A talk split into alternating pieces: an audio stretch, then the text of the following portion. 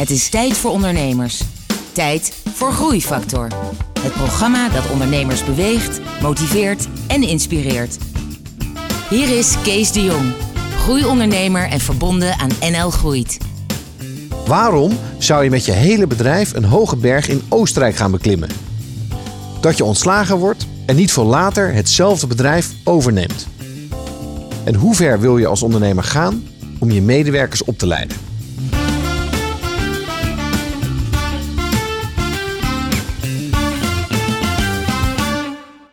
Hallo en welkom bij Groeifactor. Het programma dat ondernemers beweegt, motiveert en inspireert. Met veel muziek en een openhartig gesprek met een inspirerende ondernemer. En vandaag is dat Huub Waterval. Huub, welkom. Dankjewel. We gaan het uitgebreid hebben over je hoogtepunten, je dieptepunten en het ondernemerspad dat je hebt gevolgd. Uh, dat allemaal zo direct, maar eerst gaan we even luisteren naar muziek. Groeifactor beweegt ondernemers.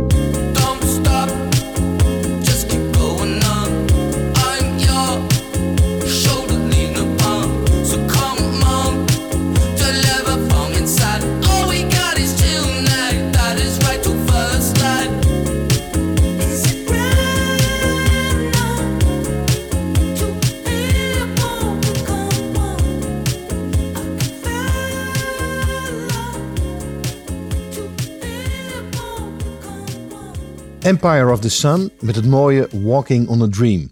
Huub, jij bent eh, eh, directeur, oprichter, founder eh, van We Accelerate People. Ehm, en dat is, dat is eigenlijk een holding, een soort paraplu-merk voor heel veel verschillende bedrijven. En daaronder zit de Nextview, dat is denk ik het bekendste bedrijf. Ehm, je hebt Design Thinking Center, je hebt Beat Tree ehm, en Remix. Vergeet ik nog iets? Growtivity. Sorry. Ja, het is ook moeilijk eh, naam. te onthouden. Eh, ongeveer 75 man bij elkaar. Ja. Eh, maar de overkoepelende activiteit zijn toch wel is IT-dienstverlening. Ja. En, en wat doe je dan precies?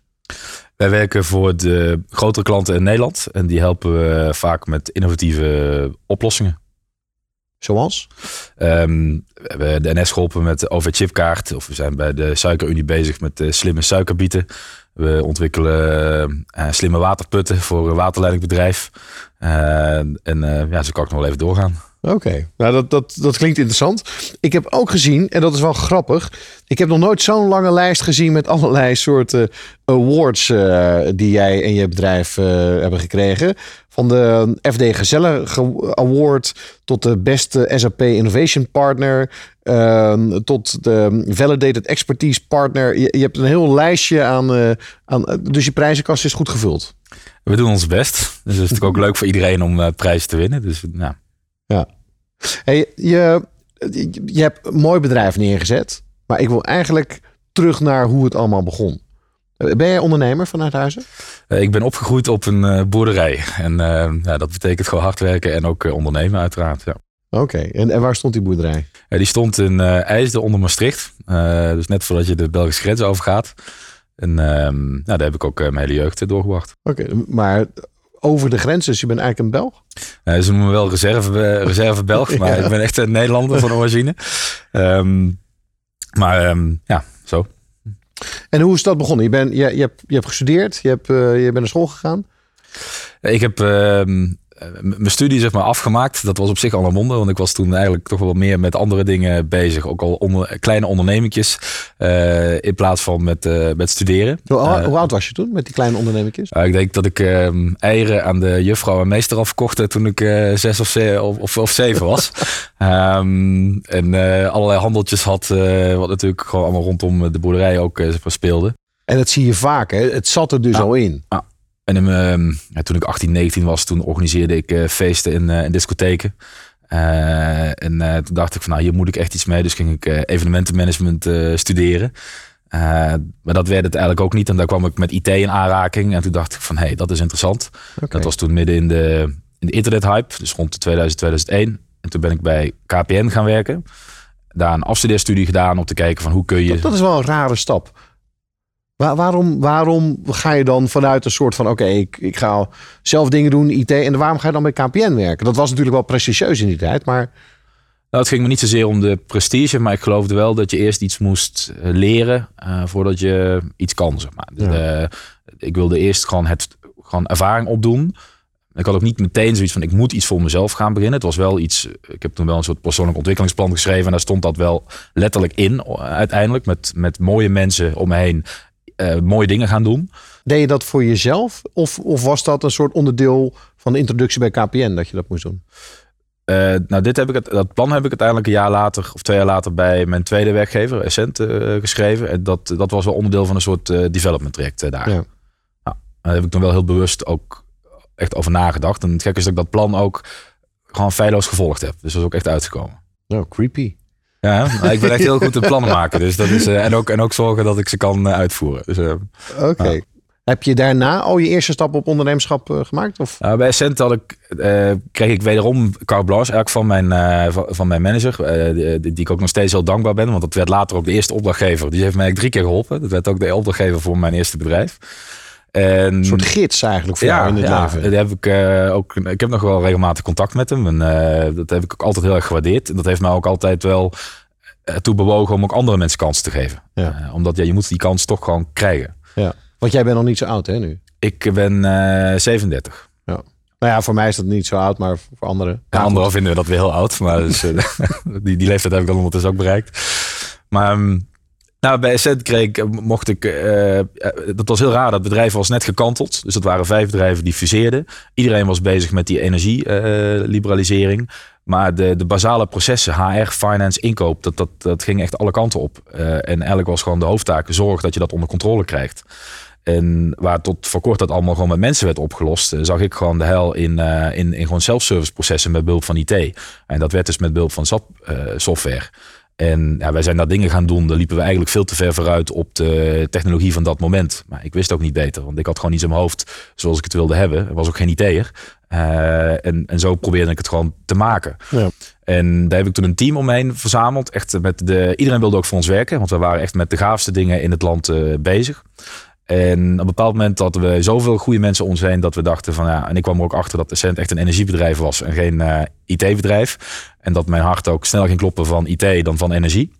En Essent kwam toen een beetje in die fase terecht met de fusie van eh, Nuon. Ehm, en toen zag ik me eigenlijk al afbreken wat ik eh, de jaren daarvoor had opgebouwd.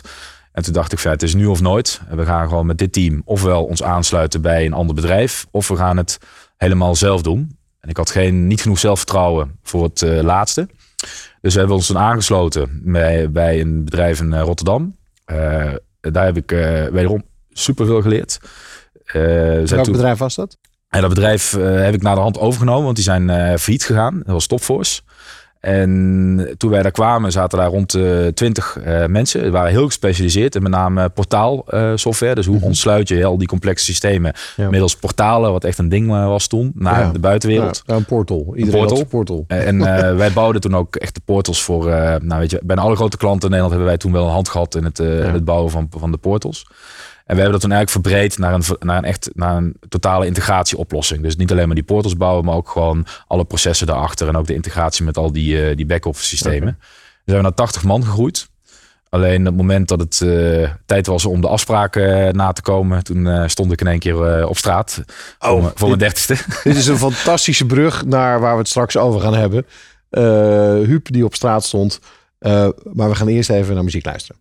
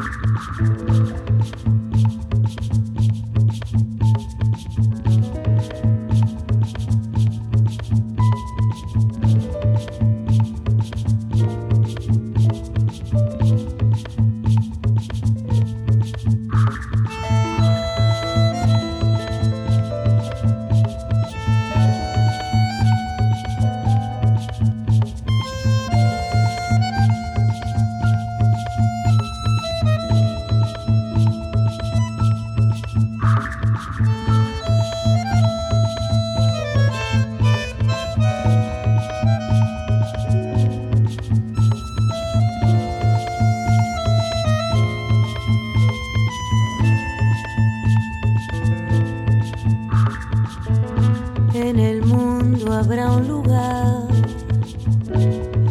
para cada despertar, un jardín de pan y de poesía. Porque puestos a soñar,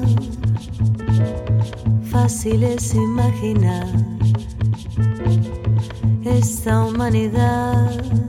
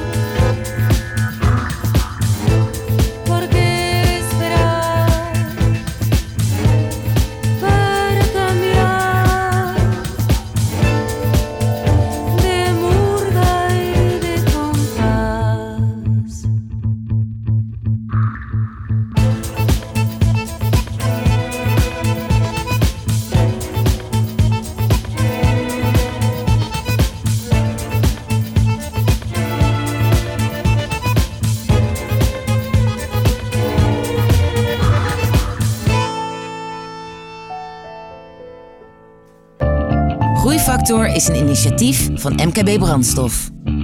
Ga naar mkbbrandstof.nl voor nog meer openhartige verhalen van inspirerende ondernemers.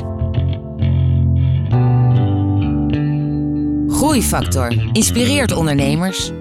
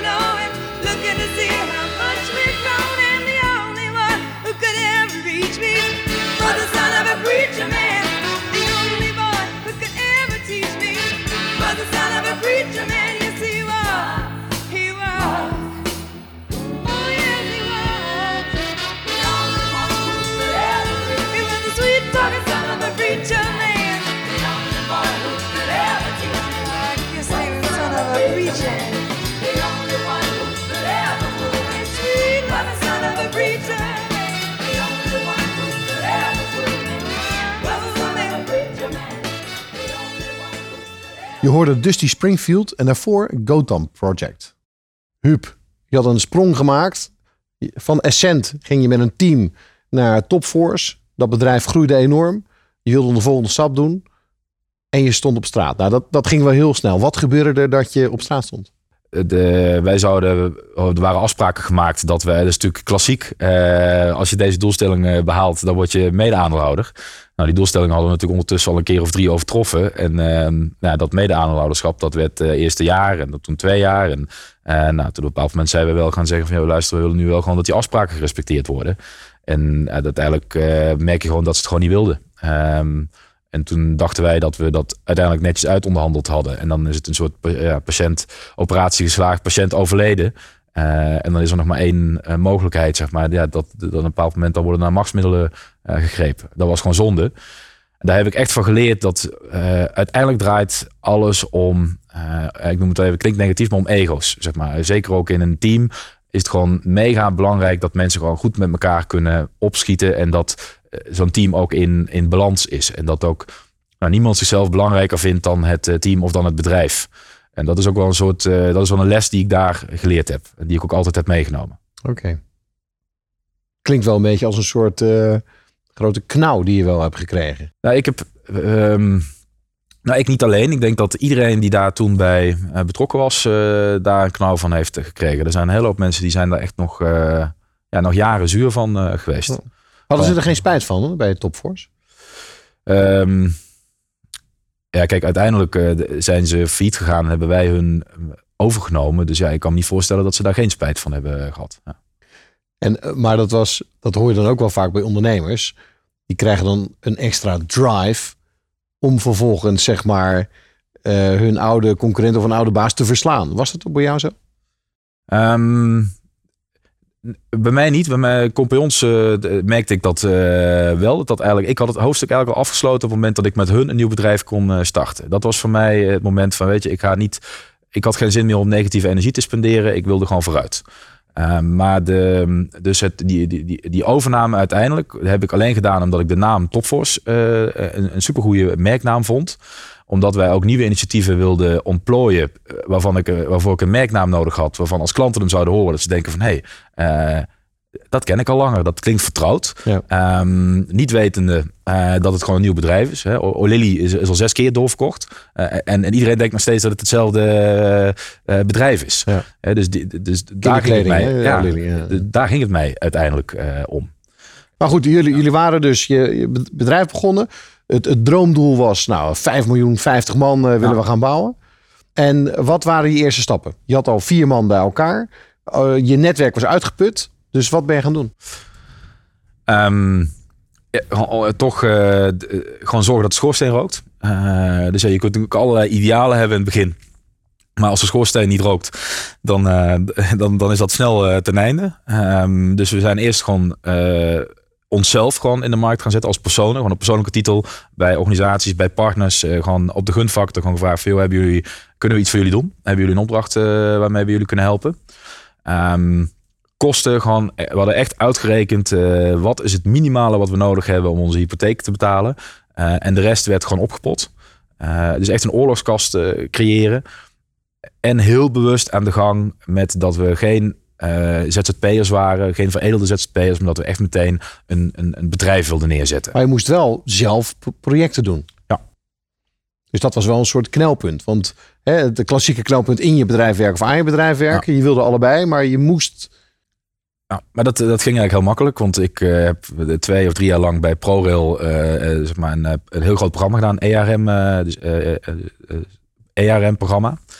En eh, ja, je, je, je knikt erbij alsof ik moet weten wat het Ja, precies zo dan is. kijk ik ook even van, eh, begrijp je het? Maar EHRM is eigenlijk dat je online gewoon al je HR-zaken kunt, wat eigenlijk de meeste bedrijven tegenwoordig allemaal Oh hebben. ja, dus, dus een online portal Ja. voor je HR-zaken. Voor ja, zeker. Alleen in, in bedrijven met vrij complexe CO's is dat nog wel een, een niet een standaard dingetje. Ja.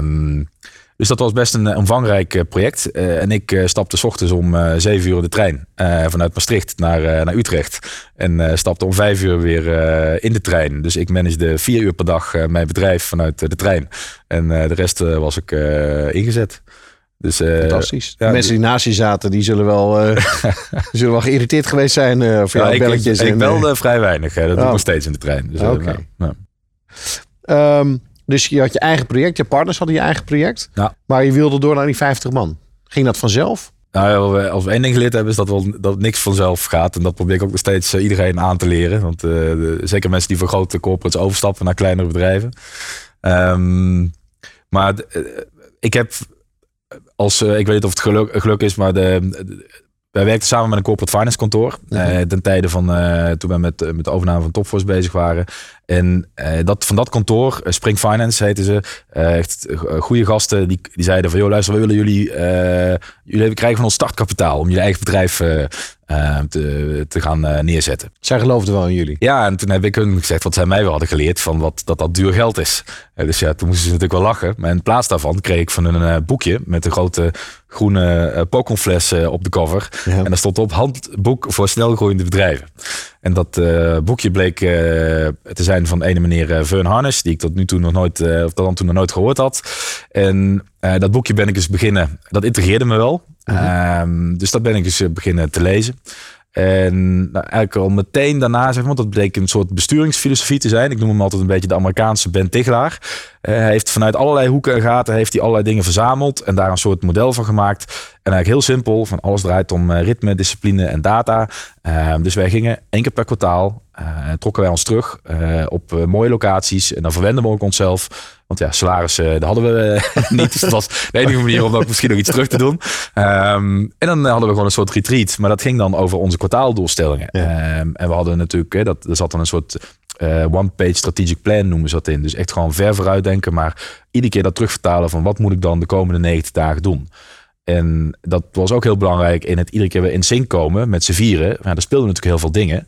Eh, en we merkten dat we door een kwartaal heen heel erg in de operatie eh, zaten. En dan was het gewoon goed om één keer per kwartaal even met elkaar weer die klokjes gelijk te zetten. Dus ik kan bijna alle belangrijke beslissingen die wij genomen hebben, kan ik bijna altijd wel terugleiden tot een van die eh, kwartaalsessies en nog steeds. Nou, ik wil het straks verder met je hebben over jouw rol en, en hoe jij jezelf hebt ontwikkeld. eerst luisteren we even naar muziek.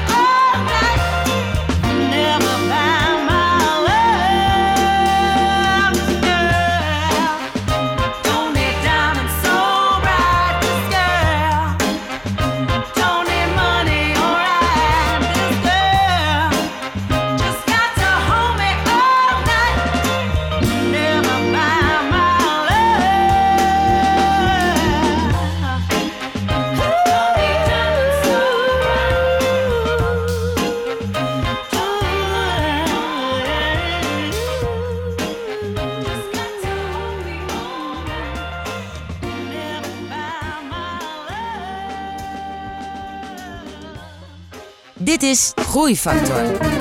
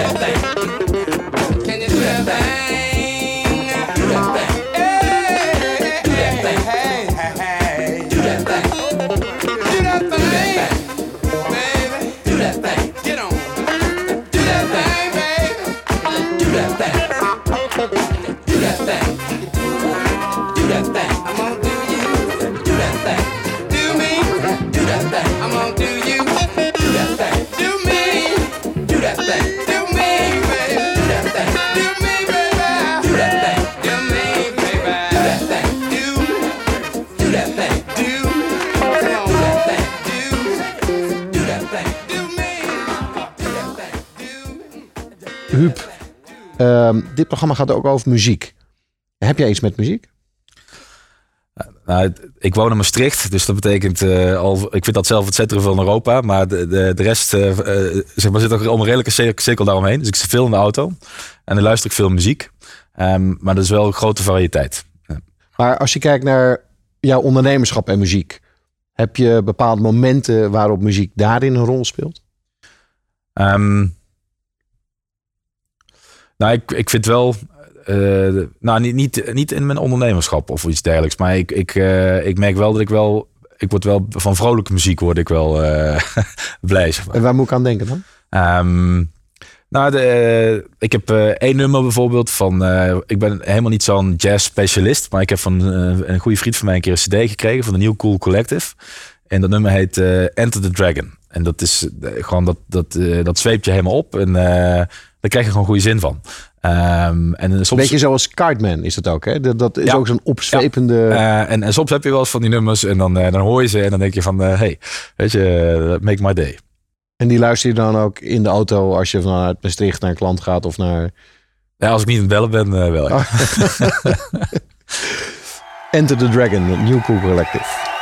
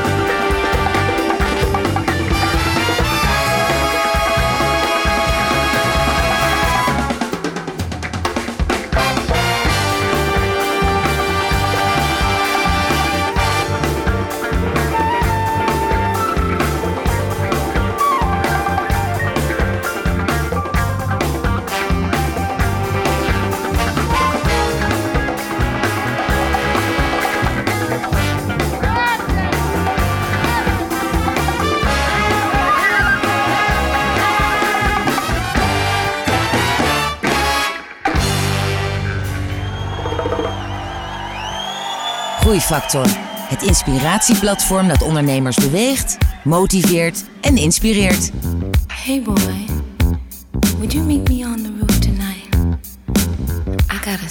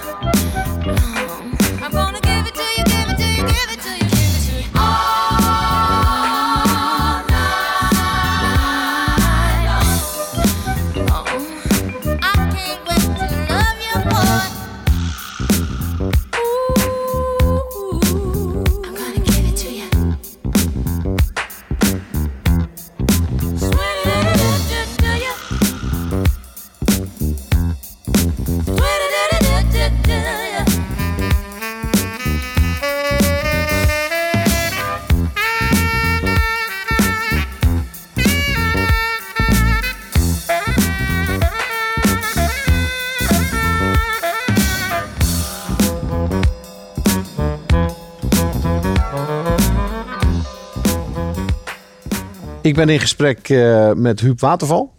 Eh Huub, jij hebt net eh, beschreven hoe jij door een toevallig boekje wat je in handen kreeg van een bevriende finance partij, eigenlijk een soort systeem in je bedrijf hebt gecreëerd, waardoor je makkelijker, beter, sneller bent gaan groeien.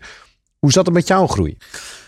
We hebben onszelf beloofd dat als wij snel gingen groeien, dat we dat verplicht waren aan onszelf om ook mee te groeien met het, met het bedrijf. En dat is ook iets wat ook regelmatig tijdens die kwartaalsessies ook aan de orde is gekomen.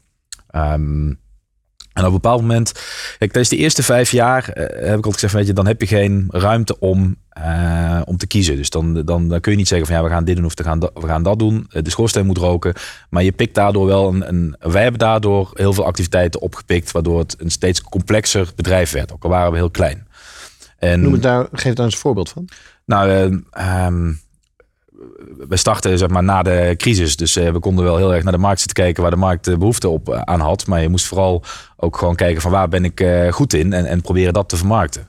En ehm, een van die dingen was, ik had eh, bij Essent ook onder andere de HR-processen gereorganiseerd. Dus dat was het hele hire to retire. En ik was erachter gekomen dat bedrijven voor miljoenen aan inhuur van consultants en uitzendkrachten hadden. En dat dat inkoop, HR en finance en alles door elkaar heen is. Maar dat dat proces ehm, gewoon totaal niet liep binnen dat soort bedrijven. Maar dat die kostenpost steeds belangrijker eh, werd. Ook met de hele flexibilisering van de arbeidsmarkt.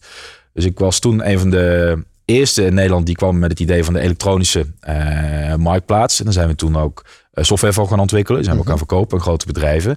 Ehm, en we zochten daar een cloud platform voor. Want voor ons moest dat dus cloud technologie zijn. Eh, en de enige die op dat moment in 2010 een, een platform had wat dat aankon, was Salesforce. En toen zijn we op dat platform eh, software gaan ontwikkelen. Eh, samen met een partij uit, eh, uit Delft. Heel succesvol geworden.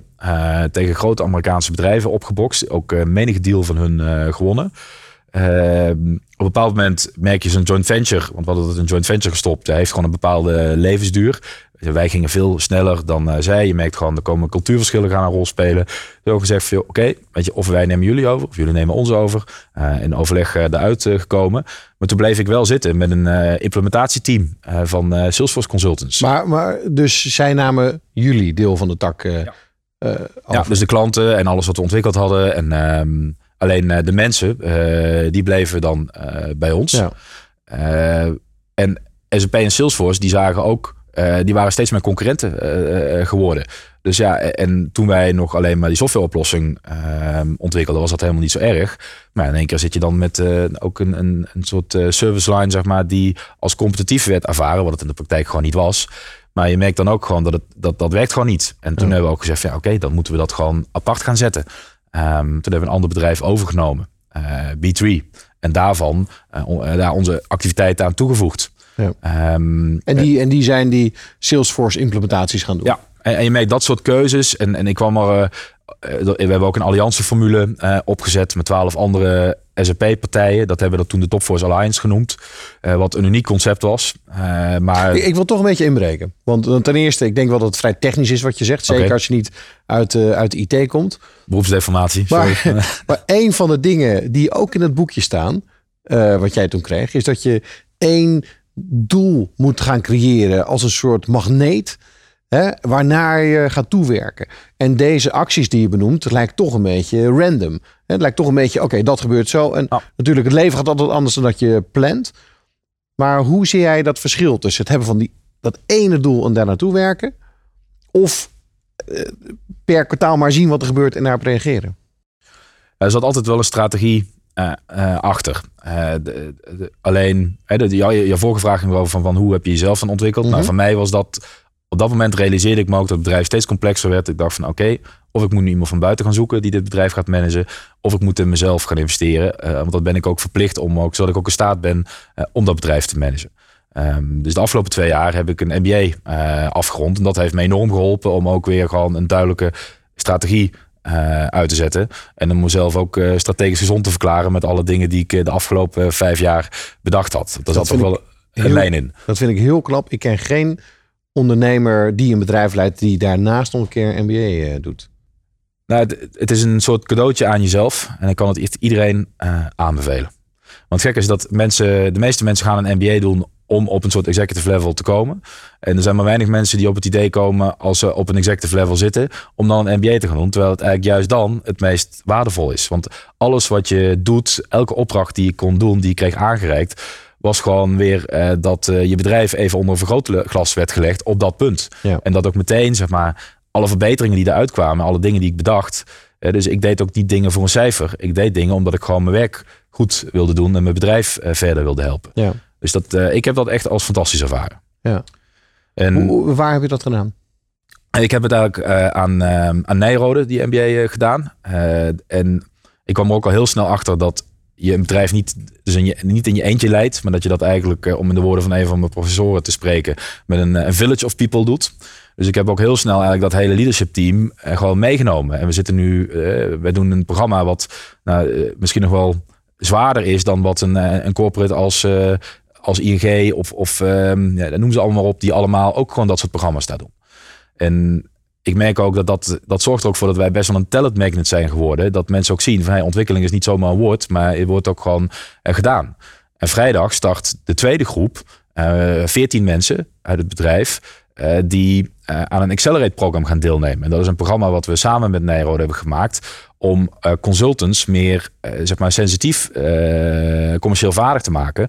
Omdat onze klanten tegen ons zeiden: ja, maar jullie mensen. Eh, ik heb nou drie keer tegen hem gezegd dat ik eh, daar wel eens iets meer over zou willen weten. Of dat ze dat een goed idee vinden. Maar ik heb het idee dat jullie mensen de, de- niet dat, eh, dat commercie een vies woord is, zeg maar. Maar ja, soms laten klanten ook tips die niet voor niks eh, vallen.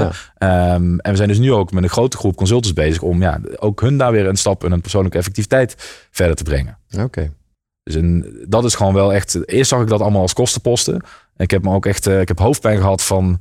Moeten we daar nou wel zoveel aan gaan, eh, eh, aan gaan, aan gaan en de- uitgeven? En de tijd ook, wat iedereen kwijt is. Ja, maar als je ziet wat daar uitkomt, dat is echt fenomenaal. En Oké, nou daar, ja. daar, daar ga ik het straks nog verder met je over hebben. Want ik vind het, ik ben nu al zwaar onder de indruk dat je dit ook, ook echt zo doet.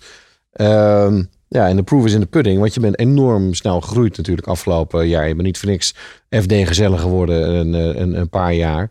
Eh, dat je op die lijst hebt gestaan. Maar daar gaan we straks verder over, helpen, eh, over hebben. Wat die investeringen en opleidingen uiteindelijk brengt aan je bedrijf, aan je cultuur, aan je mensen, aan je groei. We luisteren eerst naar muziek van Fred Wesley en Faithless.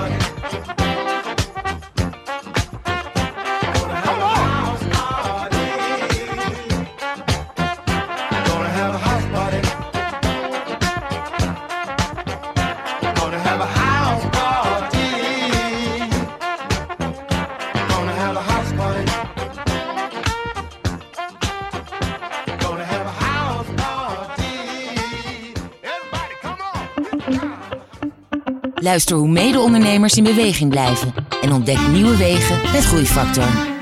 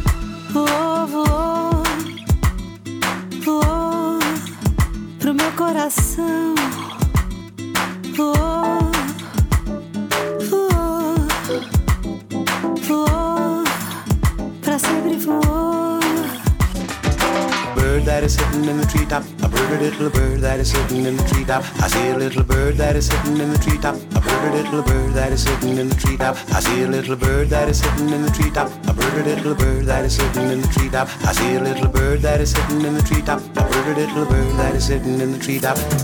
Fly, my Brazilian lovebird.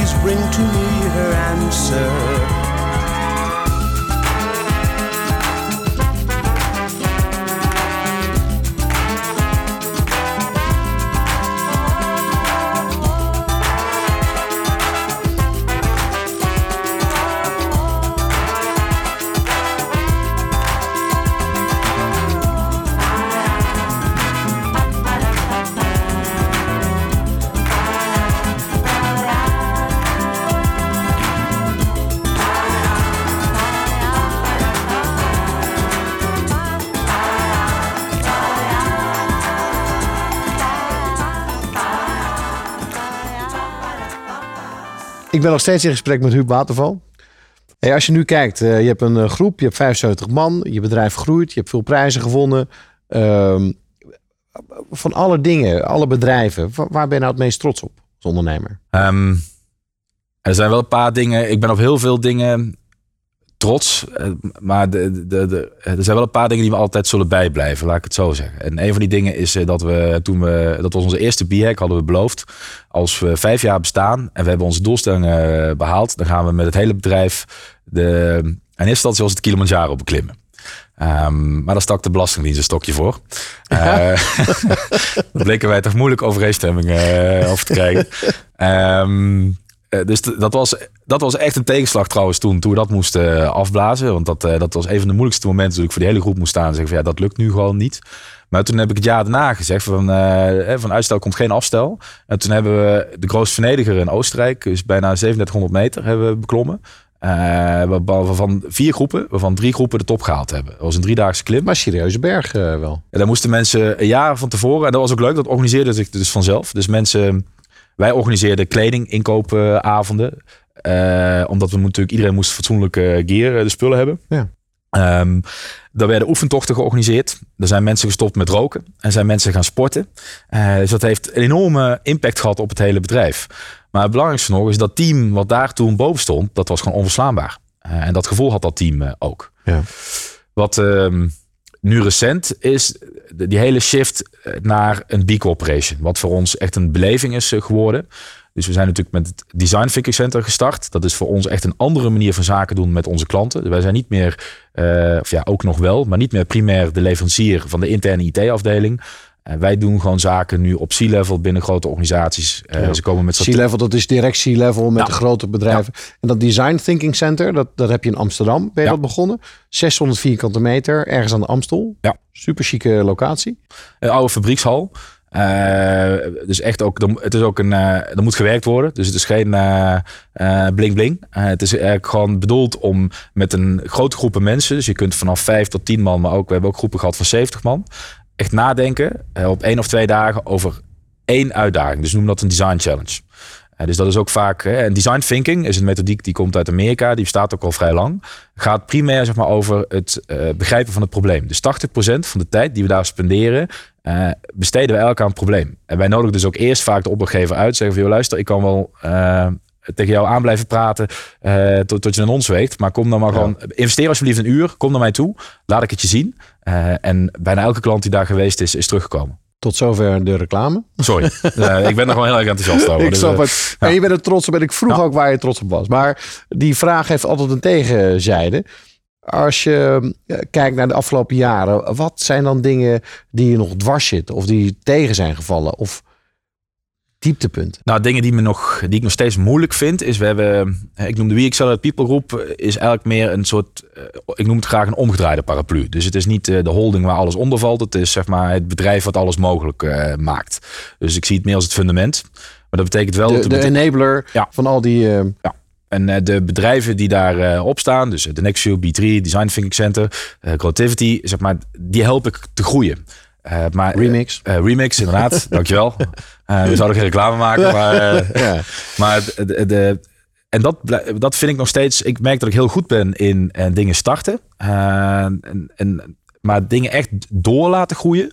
eh, dat blijf ik gewoon nog steeds een, een, een uitdaging eh, vinden. Al natuurlijk, al gebeurt het wel. En misschien is ook de, de perceptie die ik heb bij hoe snel dat kan, zeg maar, klopt die ook eh, niet. Maar soms eh, ja, 15 tot 20 procent eh, per jaar op groepsniveau eh, groeien. Ja, dat voelt voor mij soms al stilstaan. Ehm, en, en gewoon ook precies weten wat je moet doen, zeg maar, om de dingen, om die volgende stap weer voor te bereiden.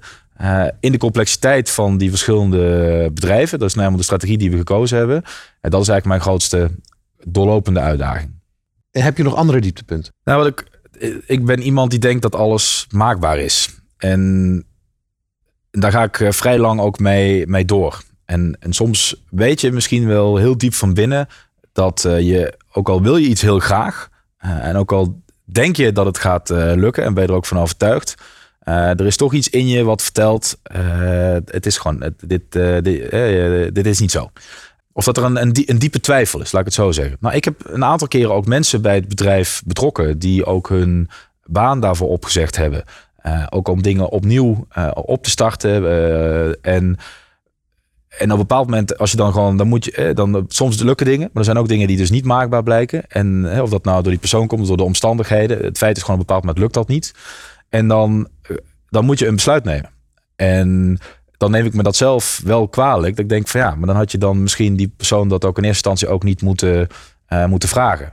Eh, en ik heb ook mensen uit mijn eh, directe vriendenkring eh, daar ook wel eens bij betrokken. En dat is voor mij wel een, een absoluut dieptepunt geweest. Dat ik daarmee het gesprek aan moest van ja, we- we- we- dit, gaat, dit gaat zo niet verder. Heb je die vriendschap daarmee verkwanseld? Dat was voor mij het grote risico. En uiteindelijk hebben we van beide kanten. Eh, hebben zelfs ook gewoon nog even bij een soort eh, mediator eh, gezeten. Omdat we van beide kanten zeiden van. voordat we met elkaar begonnen, hebben we tegen elkaar gezegd: van wij kunnen dit omdat onze vriendschap dit gaat overleven. Mocht het toch fout gaan. En uiteindelijk bleek dat toch best nog wel een ding. Maar toen hebben we elkaar wel weer herinnerd aan, dat, aan die afspraak. En er ook, dat, ding, dat soort dingen hebben ook tijd nodig. Maar uiteindelijk is, het, is dat nog steeds een van mijn beste vrienden. Eh, en, Oh, mooi. En, en dat is. eh, weet je, en ik zeg het elke keer weer tegen mezelf. eh, maar weet je, je blijft toch als ondernemer ook een beetje opportunistisch. Eh, dus ja, je, je, moet daar, je moet daar wel een beetje mee opletten. Ja. Ja. Openhartige gesprekken met inspirerende ondernemers. Je luistert naar Groeifactor.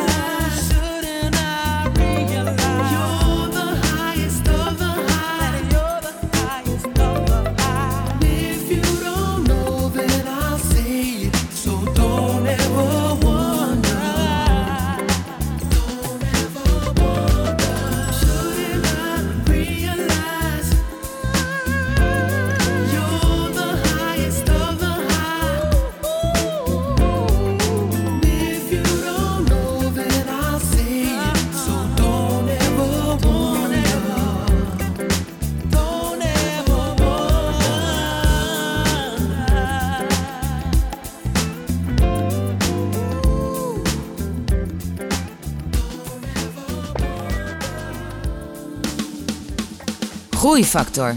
Het programma dat ondernemers beweegt, motiveert en inspireert. Groeifactor beweegt ondernemers.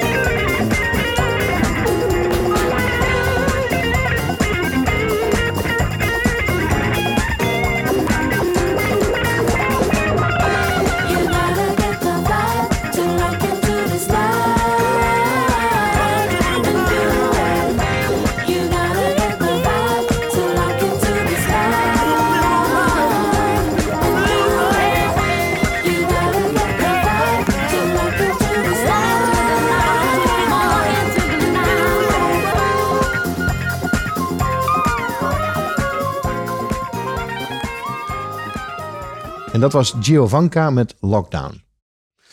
Ehm, als we kijken naar de, naar de toekomst. Waar eindigt jouw ambitie? Ik heb werkelijk geen idee. Ehm, voor mij is daar geen eind aan. Maar 15, 20 procent per jaar groei eh, in die termen. Nou, ik ben er eigenlijk van geschrokken toen ik ging uitrekenen eh, dat als ik dat doortrek tot ergens in 2025, dat we dan al, al dik boven de, eh, boven de 25 miljoen uit gaan komen. Toen dacht ik van, oh, dat is wel een serieus, eh serieus business. dan moet ik toch even wat dingen anders gaan doen. Voor dat jongetje wat eh, eieren verkocht aan zijn, eh, Ja. aan zijn leraar. Ehm, en eh, dat is natuurlijk ook wel weer de charme. Maar de, de, eh, ik merk, ik blijf altijd maar gewoon met twee voeten op de grond staan. Omdat ik altijd naar die volgende 90 dagen eh, kijk. Dus ik vind het echt ehm, heel moeilijk te voorspellen eh, waar we over eh, tien jaar eh, staan. Weet je, ik weet wel dat eh, gewoon we het altijd, dat werk ook gewoon leuk moet blijven. En dat eh, ik ook moet zorgen dat iedereen het om me, heen ook gewoon leuk eh, vindt. En zolang we dat- soort dingen blijven doen. eh, en ook gewoon klanten blij met ons zijn, onze medewerkers blij met ons zijn, onze partners blij met ons zijn. En we blijven groeien, want niet groeien is voor mij geen optie. Dat is gewoon saai. Eh, dus, maar ja, dan, dan is eigenlijk wat mij betreft is eigenlijk alles mogelijk. Dus je wil blijven groeien. Eh, nou, ik vind dat een, eh, een mooi, mooi vooruitzicht. Eh, heb jij eventueel tips nog voor ondernemers die nu aan het luisteren zijn? Ehm, nou, investeren in jezelf.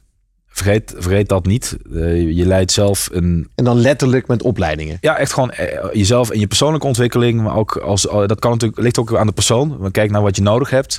Eh, en, en, en denk het eraan dat als jouw bedrijf groeit, dat je ook verplicht bent om mee te groeien. Of eigenlijk misschien nog wel een stukje daarop vooruit proberen te blijven lopen. Ehm, En jij hebt dat gedaan door mentoren en die opleiding op Nijrode. Ja. En blijven lezen. Want ik hoorde inderdaad eh, dat je die, eh, die managementboekjes. Ja, ik, ik lees eh, graag. En de- dat, dat biedt ook wel veel inspiratie.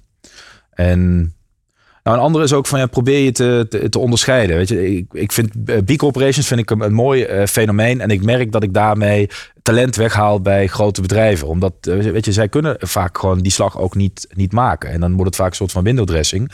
Maar gewoon als klein bedrijf kun je de wereld nog best wel naar je hand zetten. Eh, en, en dus ook gewoon dingen doen waarmee je ook een soort eh talent magnet wordt voor, eh, voor, voor talent. Want ik denk, ja, dat is eigenlijk waar het echt om draait. Zorg dat je de, de beste mensen om je heen verzamelt die, eh, die je met mogelijkheden kunt, eh, kunt vinden.